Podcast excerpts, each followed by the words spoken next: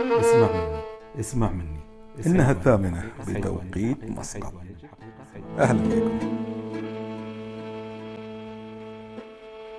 هناك مثل صيني يقول أنا أشير إلى القمر والأحمق ينظر إلى إصبع. هذا المثل ينطبق على واقعنا بشكل كبير.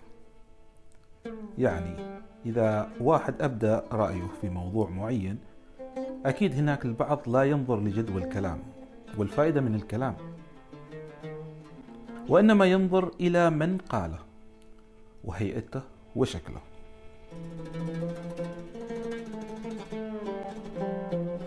أبسط مثال والمثال الأوضح وما دام إن إحنا نتكلم في زمن كورونا. الفنانة الكويتية القديرة حياة الفهد. حياة الفهد ظهرت في برنامج في مداخلة هاتفية وقالت ما قالته. تحدثت لمدة عشر دقائق.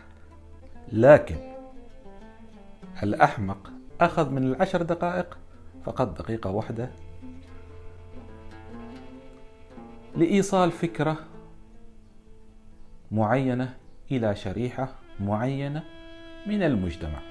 المجتمع الكويتي المجتمع العربي المجتمع الخليجي أو المجتمع العالمي.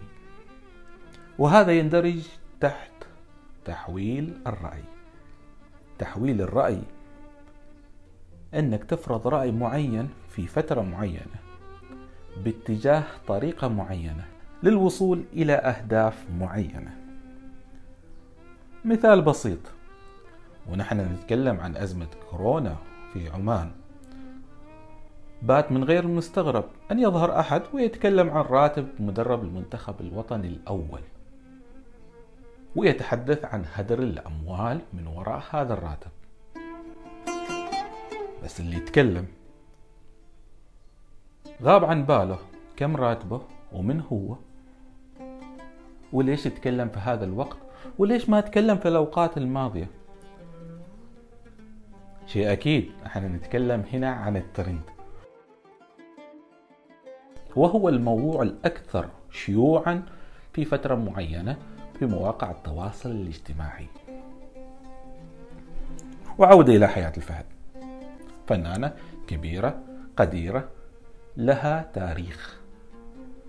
وعندما تحدثت عن الموضوع تحدثت بحرقة عن مشكلة يعاني منها كل مجتمع خليجي.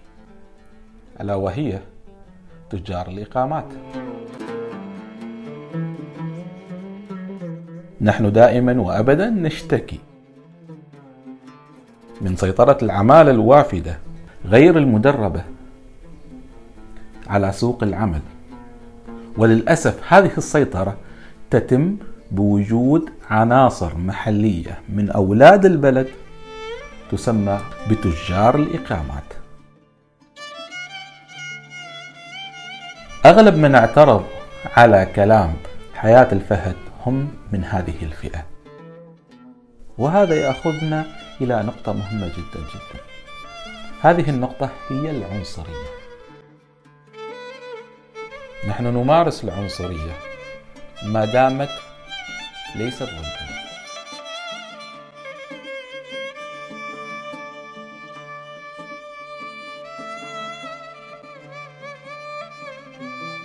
وهذه الممارسات تندرج تحت مسمى التنمر بأشكال متعددة اجتماعية اقتصادية فنية وحتى رياضية.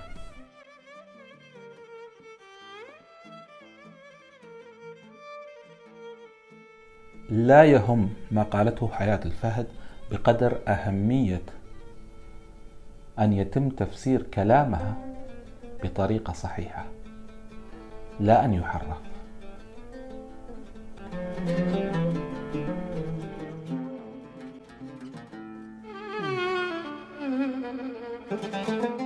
سمعنا عن حياة الفهد لكن كان من الأجدى أن نسمع من حياة الفهد.